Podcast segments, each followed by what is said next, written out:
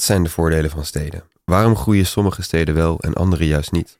En wat maakt de buurt waarin je opgroeit voor verschil? Blijf luisteren het komende uur bij Radio Swammerdam, waar we deze zaken en meer gaan bespreken met stedelijk econoom Mathieu Stijn. Goedemorgen en welkom bij Radio Swammerdam. Het wekelijkse uurtje wetenschap hier op Salto. En ook welkom voor alle luisteraars via de podcastkanalen. Mijn naam is Tabe Bakker, uw presentator. En bij mij in de studio zit Mathieu Stijn, universitair docent stedelijke economie aan de Vrije Universiteit Amsterdam. Goedemorgen Mathieu. Goedemorgen. En ook hier aanwezig is Max Waterreus, die zich als tweede presentator expres niet heeft ingelezen. Uh, Max heeft de oren van de luisteraar en hij stelt op tijd vragen, toch Max? Ja, dat klopt. Goedemorgen Max. Goedemorgen. Het komende uur is in tweeën gedeeld. Eerst vertelt Mathieu over de voordelen van steden en stedelijke groei. En dan heeft Piet Ruig een column. En we sluiten af met het recente onderzoek van Mathieu. Goed, Mathieu houdt zich bezig met uh, stedelijke groei op twee manieren. Namelijk hoe het komt dat bepaalde steden groeien en bepaalde steden niet over de ruimte en de tijd. En twee, hoe het is om in een bepaalde wijk in plaats van een andere wijk op te groeien. Met andere woorden, stedelijke scheefgroei en opgroeien in een scheve stad. Mathieu, jij schreef jouw proefschrift over zogenaamde agglomeratievoordelen. Wat zijn dat? Nou, agglomeratievoordelen zijn eigenlijk de voordelen die voortkomen uit nabijheid. Agglomeratie samenklonteren. Een mooi citaat van een uh, leidende professor in mijn vakgebied is: Als je kijkt naar een stad, is het eigenlijk niet de gebouwen, maar de, vrij, de bijna afwezigheid van afstand tussen mensen. En die nabijheid, die heeft bepaalde voordelen, ook nadelen. Maar uh, ik heb me vooral gericht hoe die voordelen veranderen. En die voordelen, dat, daar gaat je proefschrift dus over, die zijn veranderd over de jaren. Wil je daar iets over vertellen? Um, nou ja, de, de agglomeratievoordelen zijn uh, zeker veranderd over de jaren. Als we kijken bijvoorbeeld naar uh, hoe Amsterdam veranderd is. Uh, vanaf de jaren 60 liep Amsterdam eigenlijk vrijwel leeg.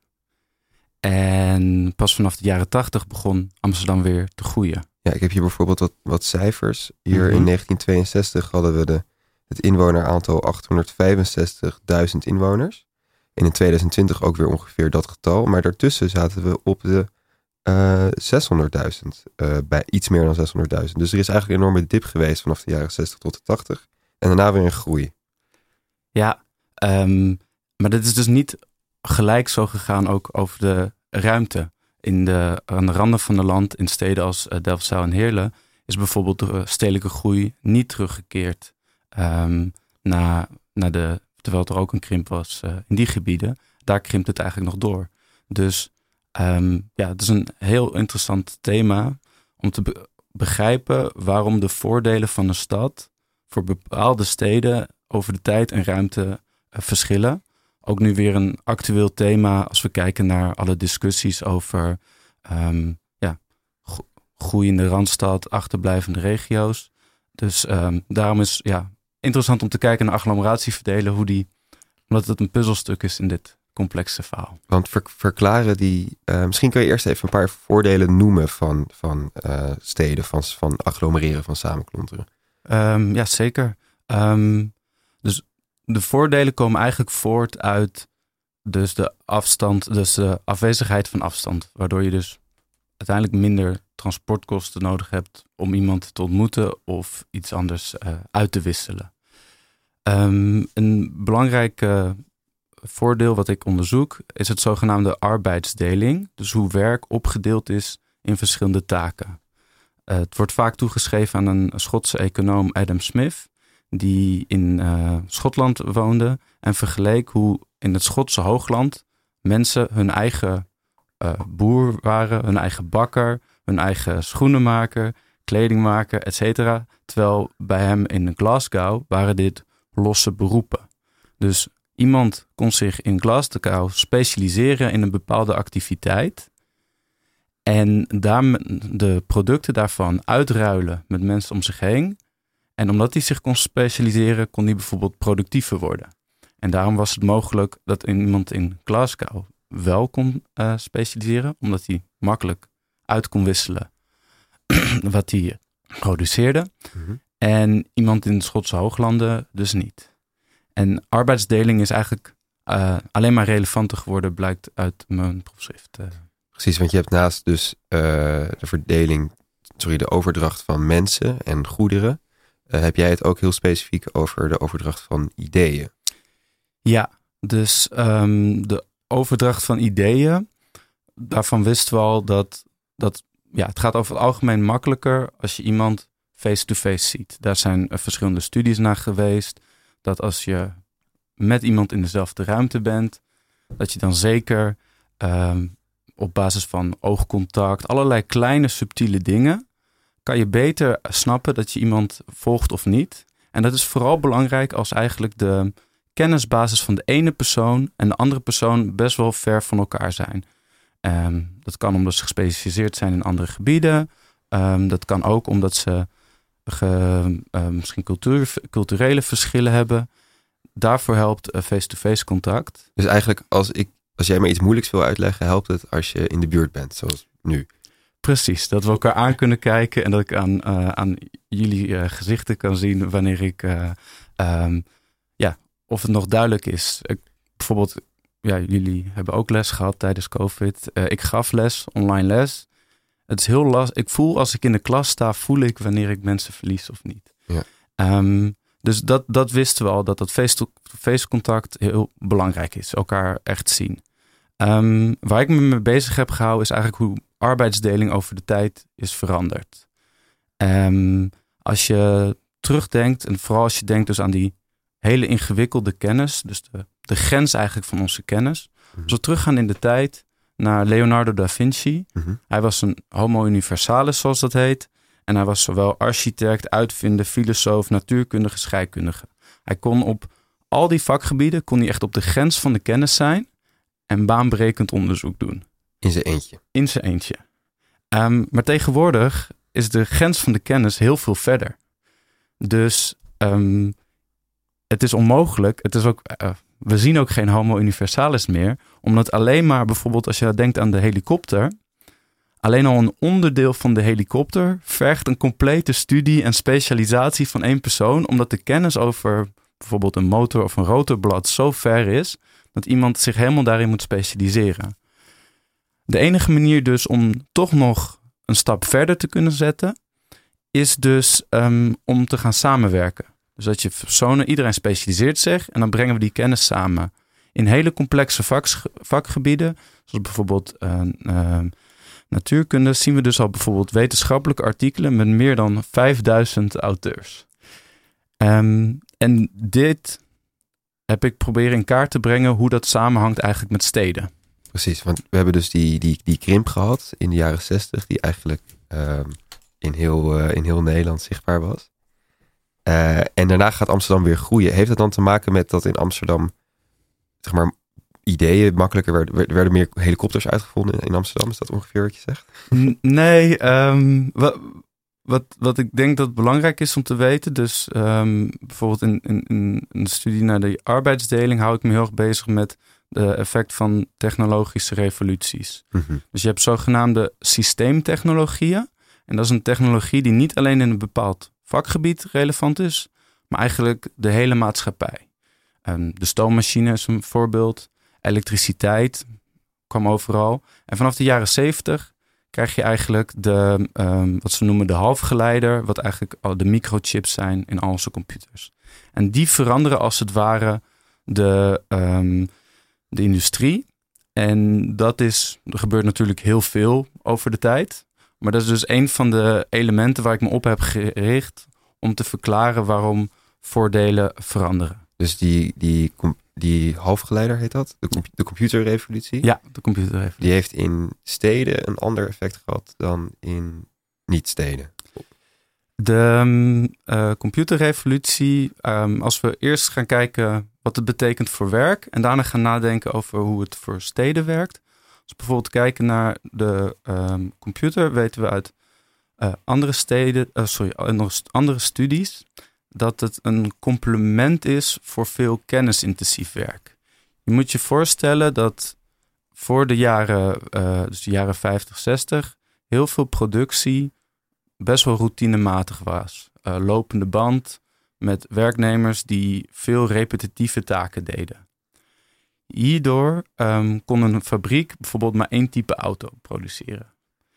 Ehm, de computer, als we eerst kijken naar werknemers, die kan eigenlijk goed repetitieve taken nadoen. Dus bijvoorbeeld eerst hier een schroefje aandraaien, dan daar. Of bijvoorbeeld administratief werk kan die overnemen. Maar voor een hoogopgeleide, voor kennisintensieve, dat vaak door hoogopgeleide mensen worden gedaan, ehm, zien we dus dat het computer eigenlijk meer een complement is. Het vervangt niet die werknemer, nee, het maakt jou productiever. Je kan namelijk informatie opzoeken, uh, verwerken. En daarmee worden eigenlijk die banen productiever. En zagen bijvoorbeeld in de arbeidseconomen zagen dat het verschil tussen iemand met een universitair diploma en zonder universitair diploma, het verschil in inkomen, nam eigenlijk telkens af. Dus dat had steeds minder zin om naar de universiteit te gaan, tot eigenlijk de jaren tachtig. En dan neemt het uh, weer toe. En dat heeft dus die computer, zeg maar, het, het complementaire voor hoogopgeleide, heeft dat, heeft dat gedaan. Nou, het is natuurlijk. Onder andere. Onder andere. Het is natuurlijk. Het is heel lastig als sociale wetenschapper om veel uh, dingen te isoleren. Er gebeurt natuurlijk op, op heel veel gebieden. Uh, ook natuurlijk beleid. Maar als je kijkt naar de technologie aan zich, heeft die een complementaire werking. En dan als we gaan nadenken over um, wat, stel als dat hoogopgeleide um, of kennisintensief werk productiever wordt, wat is eigenlijk belangrijk daarvoor? Dat is dus eigenlijk weer die face-to-face ontmoeting. En als we dus kijken naar wat ik zei over arbeidsdeling, dus hoeveel mensen uh, er nodig zijn voor een idee, uh, heb ik gekeken in een, een, proefschrift hebben we patenten verzameld uh, vanaf 1850 tot en met nu. En van elk patent kun, konden we zien hoe baanbrekend die was. Uh, dat kan je op verschillende manieren doen, maar we hebben als wetenschappers heel veel manieren uitgeprobeerd. Maar um, een makkelijke manier is bijvoorbeeld hoe oud een, uh, een klas is. Mm-hmm. Dus je kan je voorstellen dat toen de eerste gloeilamp werd uitgevonden, dat het heel ver weg is van wat mensen toen wisten. Dus de, de afstand in kennis is, is groot. Het is iets nieuws.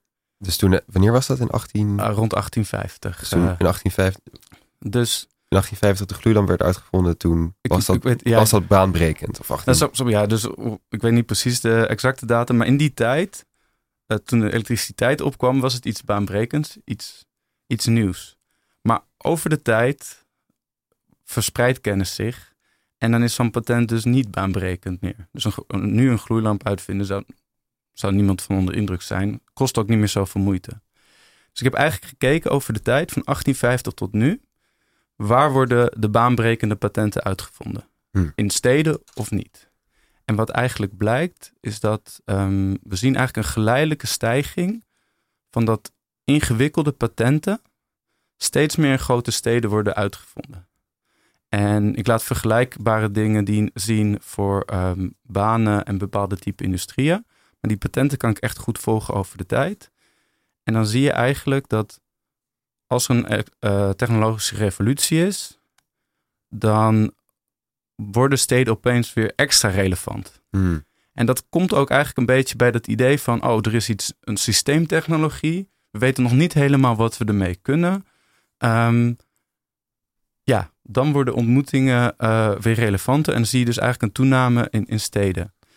Worden die patenten, worden die dan allemaal in echt ook één regio ontwikkeld? Of, want ik denk als je vertelt over een, over een uh, stuk wat door 5000 uh, mensen is ja. geschreven, kan me niet voorstellen dat het in één stad is ge, geweest. Dat er juist ook onderling in steden heel veel uitwisseling is. Ja, dus er zijn, um, er zijn natuurlijk inderdaad internationale uh, samenwerkingen. Maar dan concentreert het zich toch weer in, in die grote steden. Dus um, je ziet dus eerder een samenwerking, laten we zeggen, tussen Amsterdam en, en Boston, dan uh, tussen Amsterdam of bijvoorbeeld, um, ja. Heerlijk. Bijvoorbeeld. en um, ja, sorry. Hoe, hoe kan dat dan? Omdat er dan meerdere groepen daar zitten? Want in principe zou je in afstand, de afstand uh, via internet is even ver tussen Amsterdam en Delfzijl als ja. Amsterdam en Boston. Nou, dus dat, dat heeft dus eigenlijk te maken. Dus, dat is een net andere studie, maar dat noemen ze uh, iets van local bus en global pipelines. Is dat je, je hebt dus ergens een kritieke massa nodig. En dat is dus eigenlijk. In het echt. in het echt. Dus je hebt een kritieke massa nodig van een bepaalde uh, groep um, um, ja, kennisintensieve mensen om dus iets uit te vinden. En dan inderdaad tegenwoordig alles gaat internationaal. Um, er zijn heel veel samenwerkingen. Maar je hebt een, een, kritieke massa nodig. En dat, dat blijft dus steeds meer dus eigenlijk in, in, steden. Dat je dan die kritieke massa kan krijgen. Ook dus om mensen in te vliegen of met mensen samen te werken.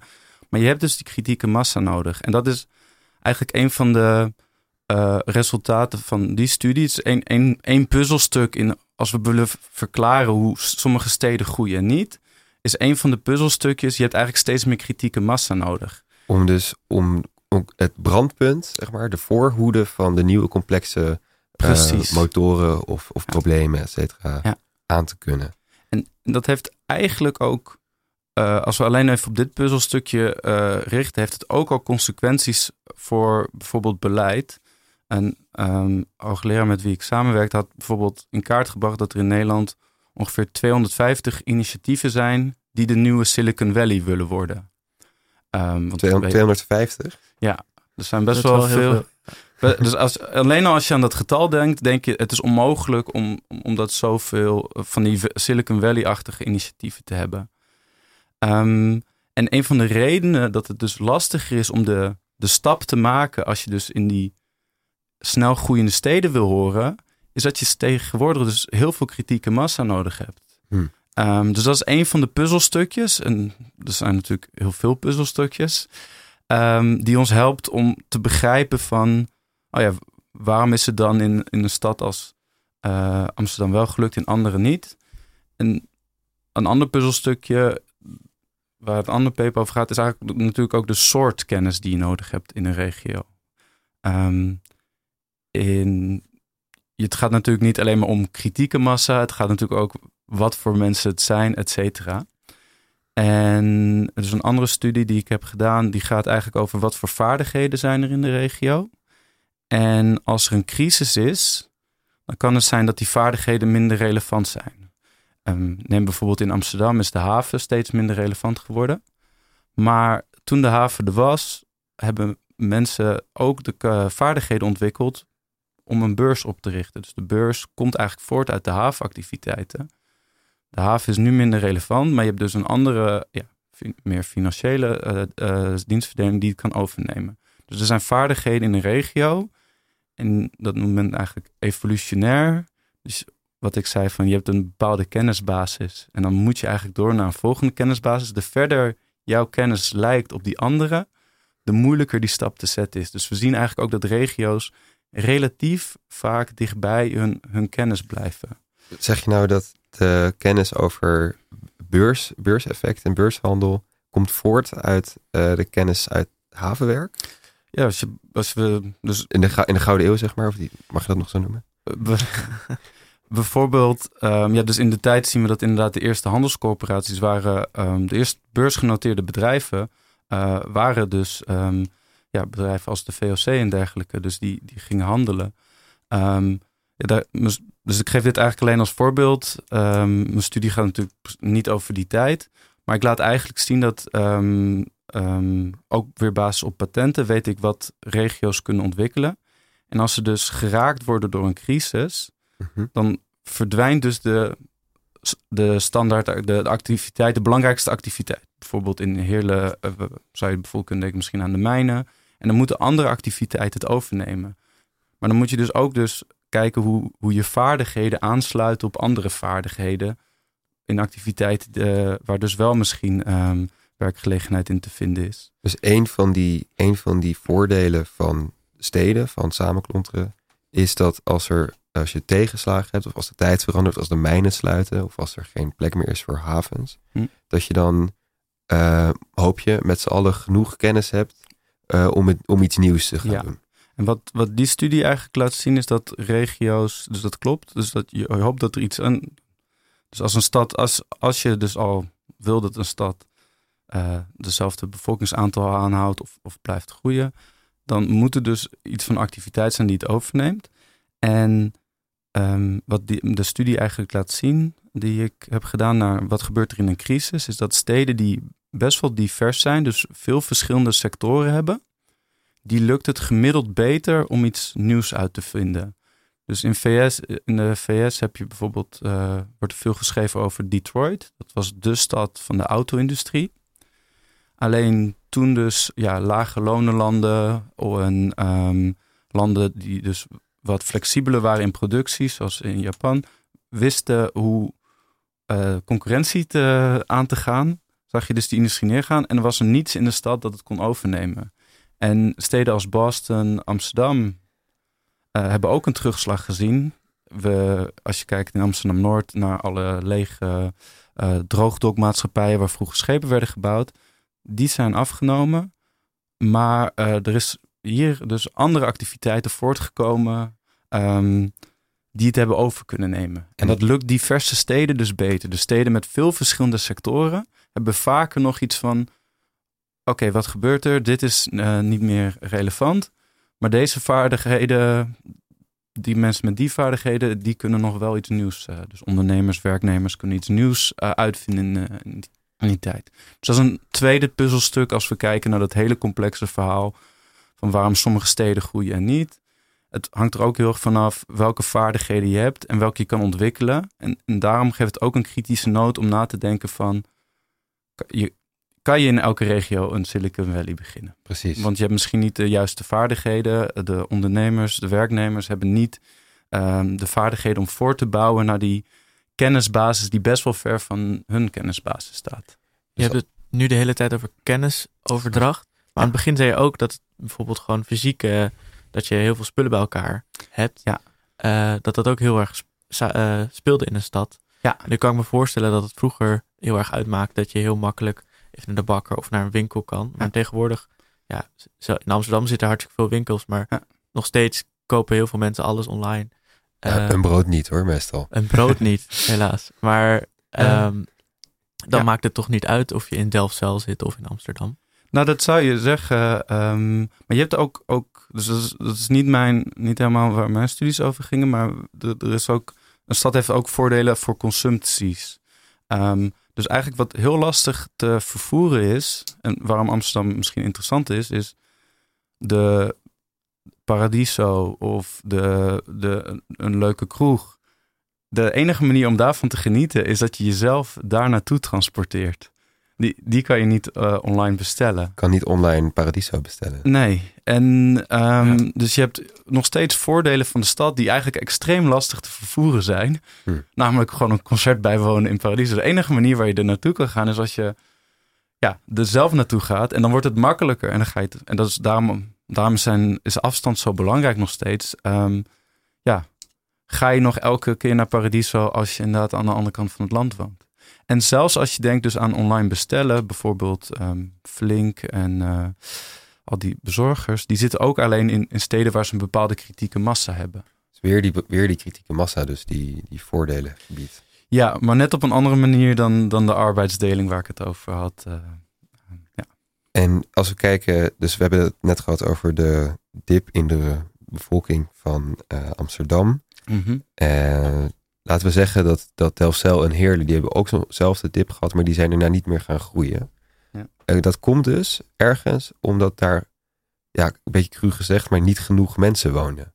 Zijn ze niet meer kunnen gaan groeien. Poef. Ze hadden die kritieke massa niet. Nou, kijk, het, het, het zijn slechts puzzelstukjes. Ik heb die casussen natuurlijk, ik heb niet specifiek naar die casus gekeken. je Ik hebt, niet, je in Heerlen en Delfzijl. Nee, Nee. Mijn, mijn studie gaat eigenlijk vooral om te begrijpen hoe de kritieke massa een rol heeft gespeeld. Dus het, het kan, het, is, het zou cru zijn om te zeggen dat het precies aan de puzzelstukjes zou liggen die ik onderzocht heb.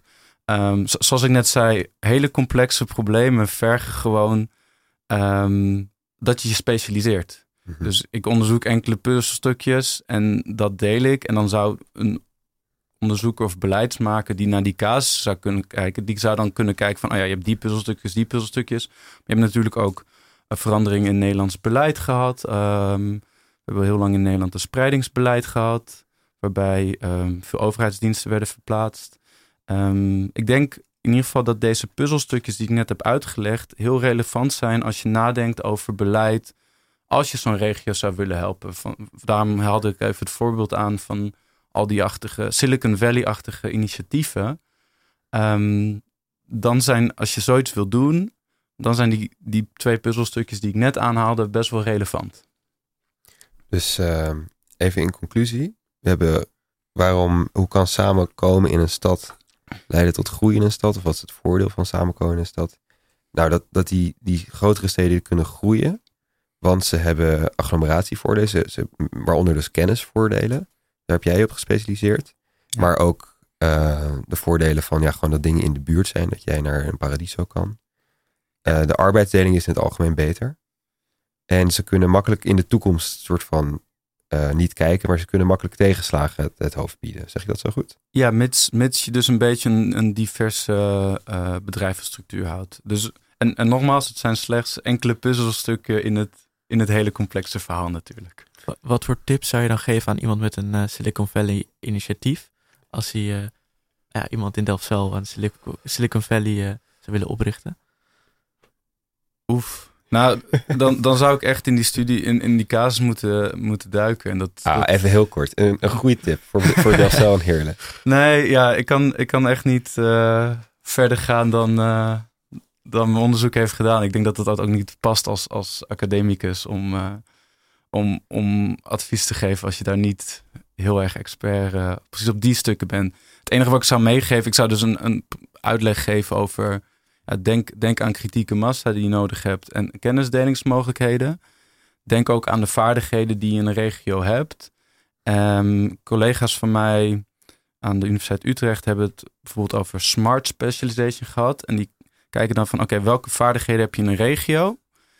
En welke vaardigheden liggen dan in de buurt die eigenlijk meer werkgelegenheid genereren? Dus je kan je voorstellen, oké, je gaat niet um, van, van mijn werk naar uh, halfgeleiders, maar je gaat naar. Um, maar je kan misschien wel andere activiteiten in de buurt hebben. Um, wat, wat bijvoorbeeld in, in regio's is geprobeerd uh, met het spreidingsbeleid, is bijvoorbeeld dus kennisintensieve activiteiten als de Belastingdienst en het CBS. En dan kijk, oké, misschien krijg je, op, krijg je op die manier nieuwe vaardigheden. Die zijn naar Krimp Naar, naar Heerlen uh, verhuisd. Maar nogmaals, ik hou me niet specifiek bezig met, met die regio. Maar er zijn dus ook ja, onderzoekers die hebben nagedacht. Um, en die hebben per regio uitgezocht wat er in de buurt ligt en wat niet. Het is het, uh, voor de Europese Unie. Het heet Smart Specialization daar zou ik mensen nog, nog kunnen verwijzen. Maar ik zou zelf niet kunnen zeggen wat een regio moet doen als ik niet zo'n regio bestudeerd heb. Precies. Maar je ziet wel, om even over de Belastingdienst te hebben, dat nu, wat was het ook weer? Er waren, waren bedrijven, uh, de, de, de, KPN of de PTT Post, daar zat het hoofdkantoor van in Groningen. Klopt. En, maar dat is op een gegeven moment geprivatiseerd. Dat was geen overheidsinstantie meer. En toen zijn ze eigenlijk verkast. Toen zijn ze naar een, grotere stad gegaan, een grotere plek. Volgens mij zitten ze nu in Den Haag. Um, maar dat, dat is dus een van de redenen dat ik zeg van... oké, ik heb naar bepaalde puzzelstukken gekeken. Hm. Uh, kritieke massa, welke vaardigheden heb je? En dat, omdat het heel complex is, breng ik dat minutieus in kaart. Uh, maar er zijn ook andere mensen die zich bijvoorbeeld over het spreidingsbeleid hebben geuit. En dat inderdaad daar ook dus uh, veranderingen in zijn. Um, ook het Nederlandse topsectorenbeleid zit ook deels in bepaalde regio's en andere. Maar dat is nogmaals niet waar ik me mee bezig heb gehouden. Mathieu Stijn over uh, voordelen van grote steden. We gaan nu door naar de column van Piet Ruig. En keren we daarna weer terug bij jou, Mathieu. Piet Ruig. Goedendag luisteraars, mijn naam is Piet Ruig en ik ga het in mijn column nog een keertje hebben over stedelijke dysfunctie. Als kind fietste ik altijd naar huis langs een muurgedicht in de Tsaar-Peterstraat. Op de zijkant van een hoekhuis staat daar een gedicht van Marguerite Luitwieder. Het gedicht gaat als volgt. Ik heb ze lief, de plekken waar het tocht wanneer de bocht omgaat. Geef mij maar de achterkant van huizen en gebieden waar elke groene spriet, omringd door scheve stenen, de droge grond uitschiet. Het onbedoeld gemaakt gebied. De meeste mensen in de buurt die vaak door die straat fietsten, die kenden dit uh, uit hun hoofd.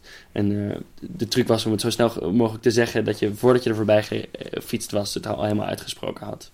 Maar door de locatie is dit lofdicht een soort requiem voor een verloren Raforand. Een monument voor de tijd dat de stad bij de Tsar-Peterstraat al ophield. Daarachter lag toen enkel de industrie van de haven. En het is een veelbesproken onderwerp, het verdwijnen van die Raforanden van de stad. Ik noem het zelf ook vaak als een van de redenen om van Amsterdam naar Brussel te verhuizen. De sprieten zijn kort gewiekt en de stenen rechtgetrokken door een overijverig stadbestuur en de financiële druk van de kenniseconomie. Er is een fysiek, politiek, economisch en psychologisch ruimtegebrek in Amsterdam. En ik moet vaak denken aan, ehm, als ik over Amsterdam nadenk en het gebrek aan ruimte, aan de cultuurfilosoof en mysticus Michel de Certeau. Uh, hij schrijft over de stad als een strijdperk tussen twee attitudes, uh, strategie en tactiek. Strategie is volgens hem de functionele ra rationaliteit van de bestuurder en planoloog, die vanuit vogelvlucht de stad bekijkt, die indeelt en categoriseert, die verkeers- en afvalstromen in de juiste banen leidt, als een soort dirigent van de stadssymfonie.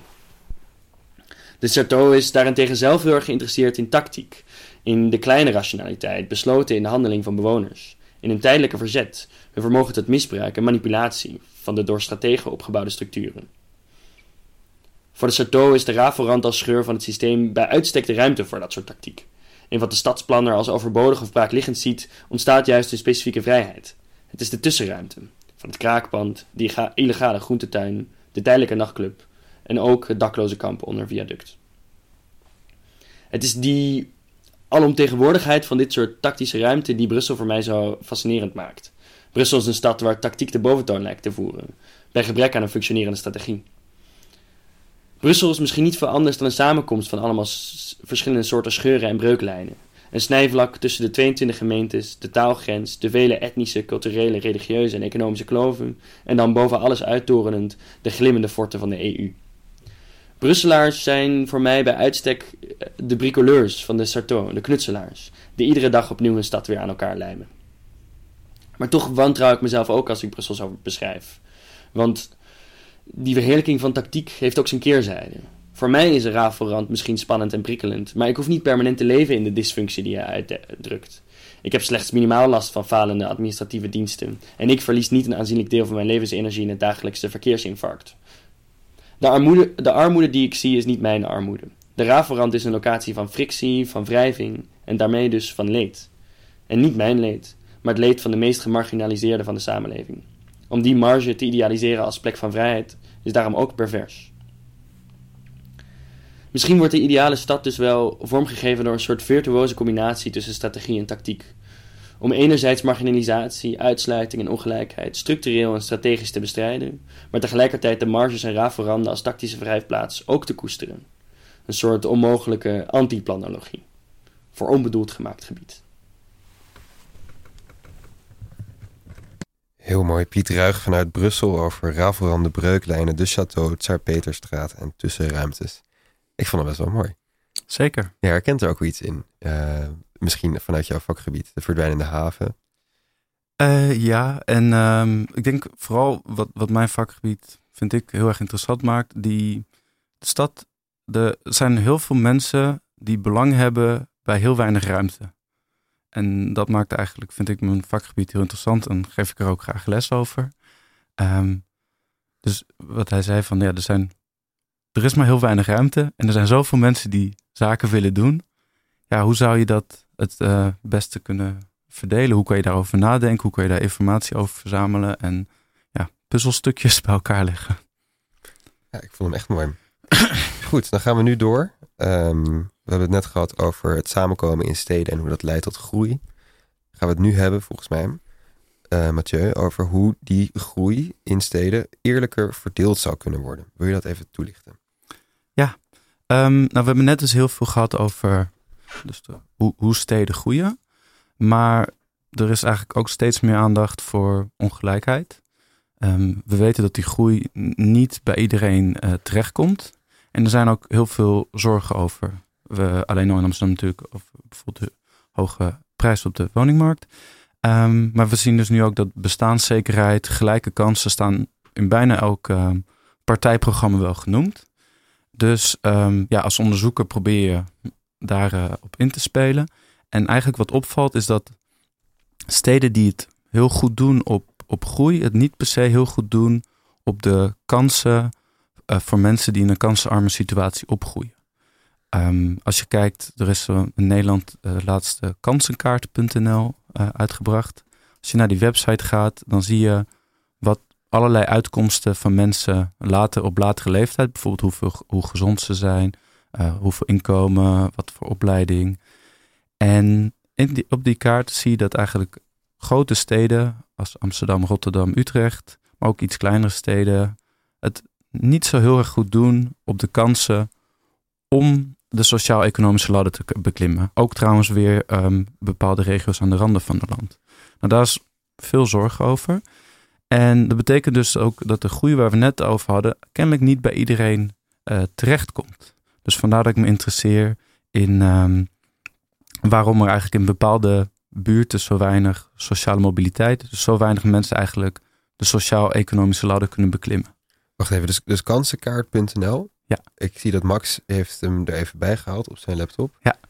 Ik zie een heleboel rode vlekken inderdaad in Amsterdam. En best wel wat groene vlekken in, wat, laten we zeggen, ruralere gebieden. Dus in Overijssel.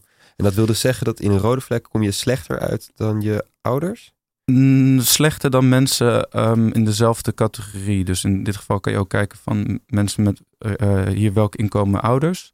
Um, en nu kijk je bijvoorbeeld naar hoeveel mensen een koopwoningen laten hebben. Maar als je bijvoorbeeld naar uh, inkomen kijkt, zou je zien. Dus uh, je kan links, je zou uh, kunnen klikken linksboven. maar dat is oh ja, last, lastig voor de luisteraar. Maar, enorme website. Uh, ja, dat is wat ik zeg. Er zijn heel veel indicatoren op. Het is een hele interessante verzameling. Dus hoe, hoe goed scoren mensen, kinderen op de CITO-score?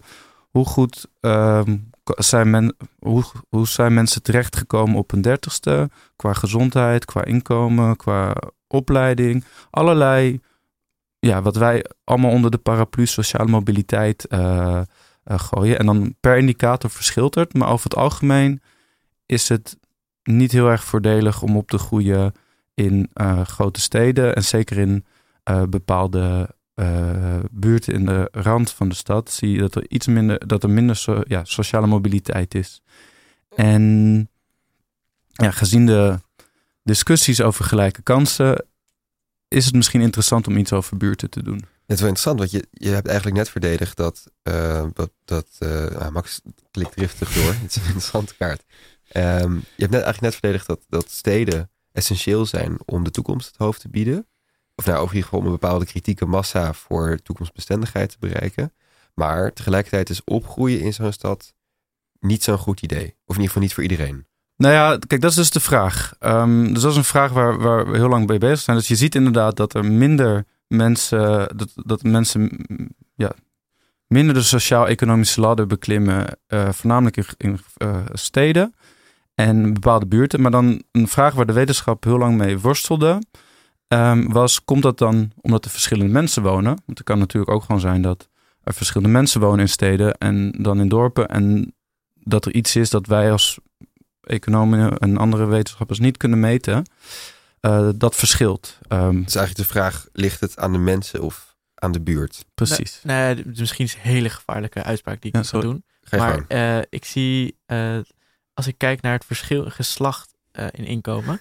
ja. Uh, dan zie je uh, bijna, die, die bijna gelijk loopt met de, de Bijbelbelt. Ja, ja echt en, waar? Ja, opvallend ja. ook Urk zit erbij. En dan echt vanuit Zeeland helemaal tot aan ja, stad, Staphorst. Ja, dat valt op inderdaad. Dat is heel erg opvallend. Ja, dit, dus, dus, dit is verschil in inkomen tussen man en vrouw. Ja, inderdaad een soort rode streep dwars door Nederland heen vanaf. Ja, wauw. Ja, ja dus, er zijn dus heel veel dimensies aan... Um, uh, gelijk. En dit zou dus bijvoorbeeld een indicatie geven dat het ligt dat er andere soorten mensen wonen op bepaalde plekken. Ja. Uh, met kennelijk be bepaalde uh, ideeën over uh, rolverdeling tussen man en vrouw. Dus dat zou eigenlijk zeggen, als, als het alleen aan de mensen ligt, dan heeft, heeft, heeft het kijken naar buurten eigenlijk heel weinig zin. Want dan zou het vooral gaan om welke soorten mensen er zijn. Maar als, als stedelijk econoom um, wat interessant is, is dat de, laat, de laatste tijd steeds meer bewijs is dat ook echt de buurt nog iets kan veranderen uh, aan de kansen die je hebt. Dus, um, um, sorry. Dus er was een uh, heel interessant experiment, heel invloedrijk in de jaren negentig in de VS. Het heet het Moving to Opportunity. En daar hebben ze, um, zijn ze naar de projects gegaan. En dat zijn woonblokken, wijken, waar echt meer dan 90% van de mensen onder de armoedegrens zitten. En dan hebben ze eigenlijk gezinnen of huishoudens uitgekozen, ehm, uitge- uitgenodigd. En die hadden vergelijkbare karakteristieken. Dus je moest aan bepaalde vereisten voldoen, waardoor iedereen een beetje hetzelfde leek. En toen hebben ze een derde hebben ze een woning aangewezen in een rijke wijk. Een derde een woning in een gemiddelde wijk. Eh, dus waar ongeveer 40, min- minder dan 40% onder armoedegrens zat. En een derde kreeg eh, geen woning aangewezen. Dus bleef eigenlijk achter in de project. Je kan er veel ethische vragen bij stellen over zo'n onderzoeksopzet.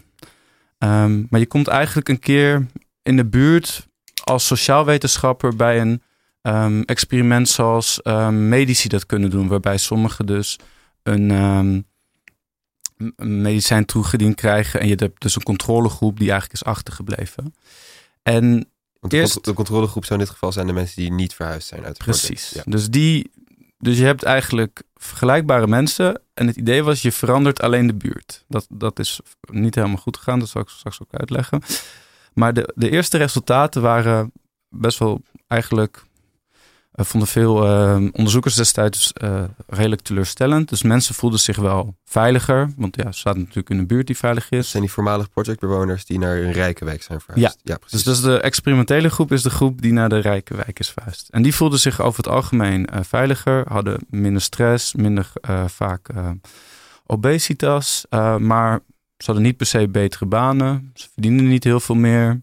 Ehm, de kinderen deden het niet heel veel beter op school. Dus eigenlijk veel onderzoekers, veel, er waren voornamelijk ook economen die zich daarmee bezighielden. De interesse nam heel erg af. Want oké, kennelijk als je stadseconoom, de buurt, het is echt kennelijk gewoon echt iets met de mensen. Je, ehm, Blijkbaar bestaat er niet zoiets als een buurteffect. Want als je arme mensen in een rijke wijk neerzet, een beetje zoals met Vlodder, dan Ja. gebeurt er blijkbaar niks.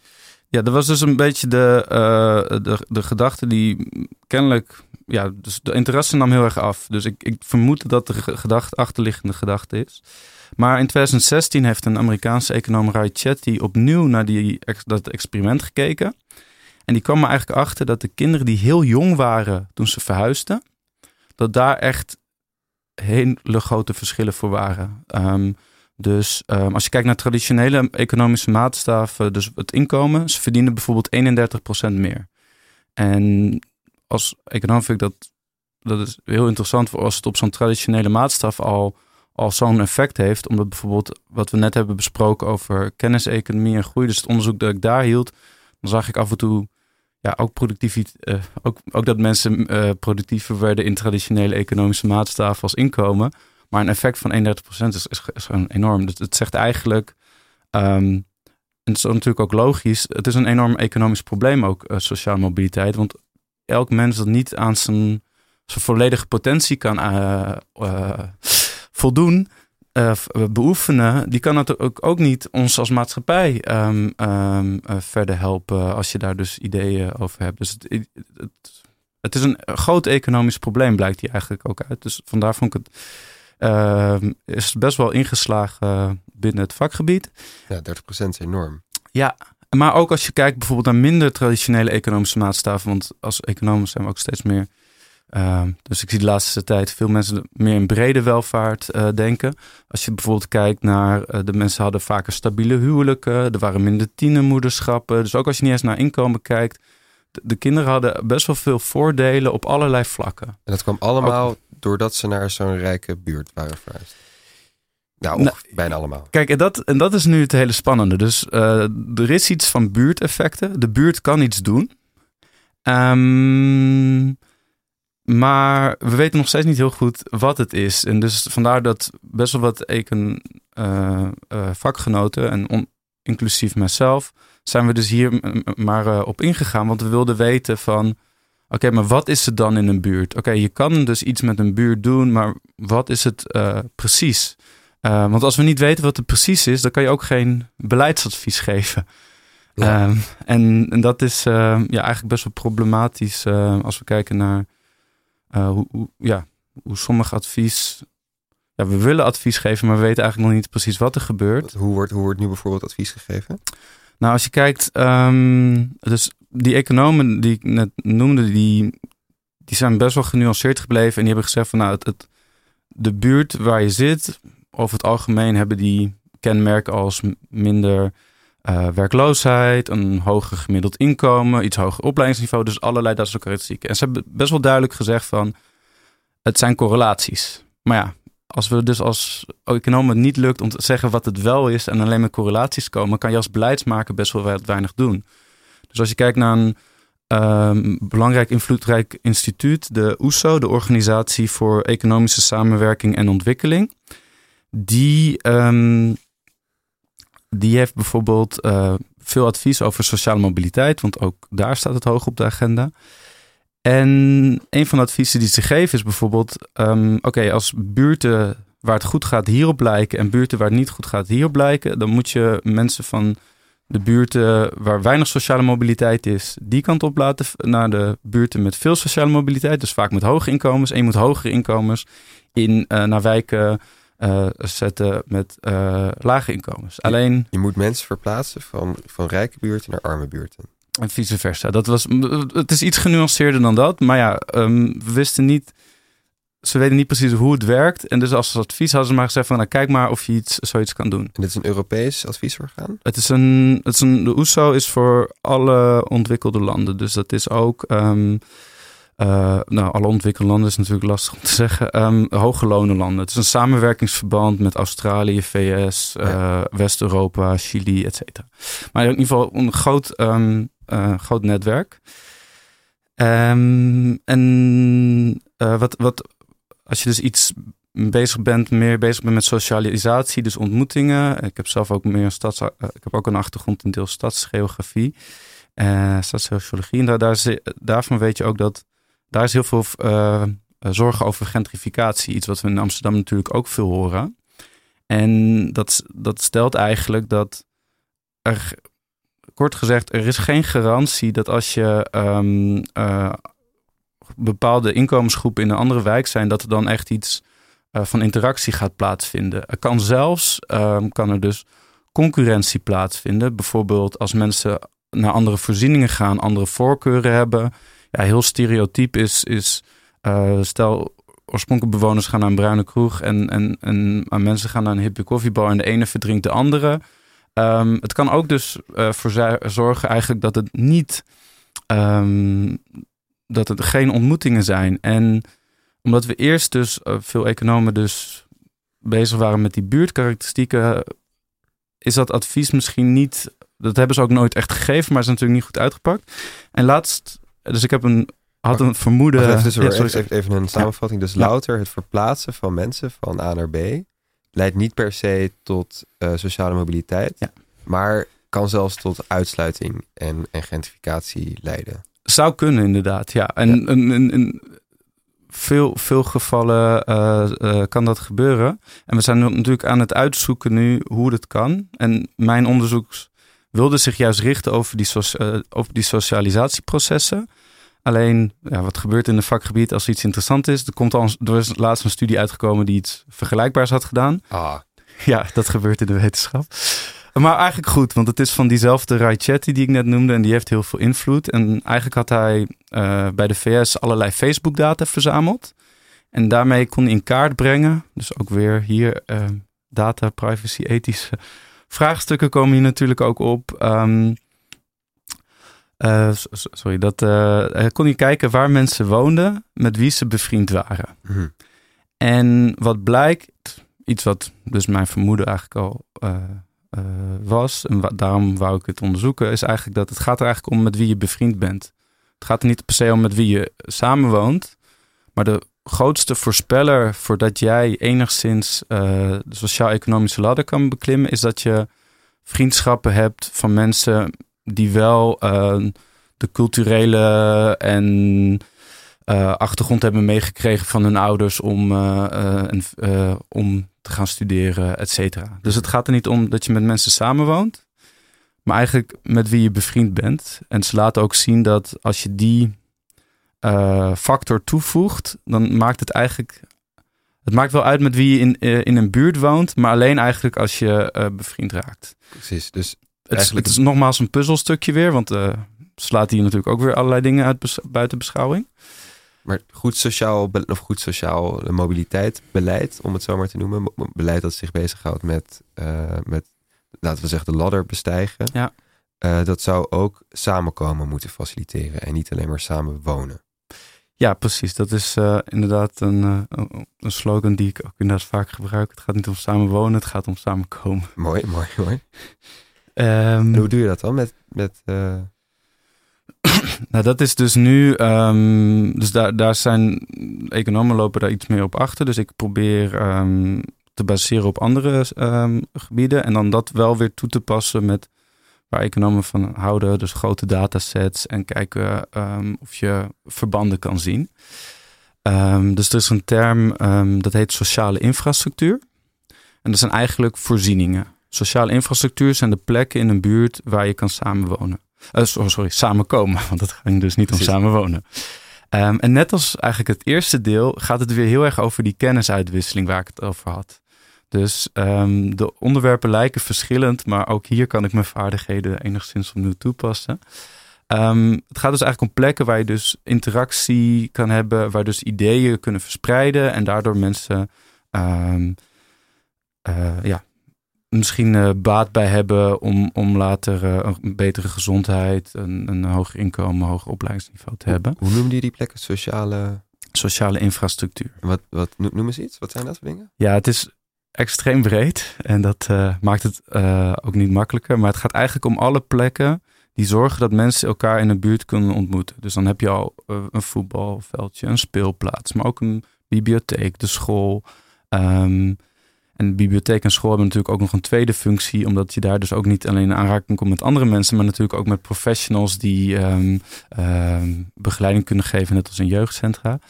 Eh, maar het gaat ook over stoepen of eh, een parkje, of dat het in ieder geval uitnodigt. Dus deze eh, socioloog Erik Kleinenberg, Kleinenberg, waar ik me op baseer, die laat bijvoorbeeld zien dat in buurten in de VS, waar ik weet niet of mensen wel eens in de VS zijn, maar in sommige buurten heb je gewoon letterlijk geen stoep.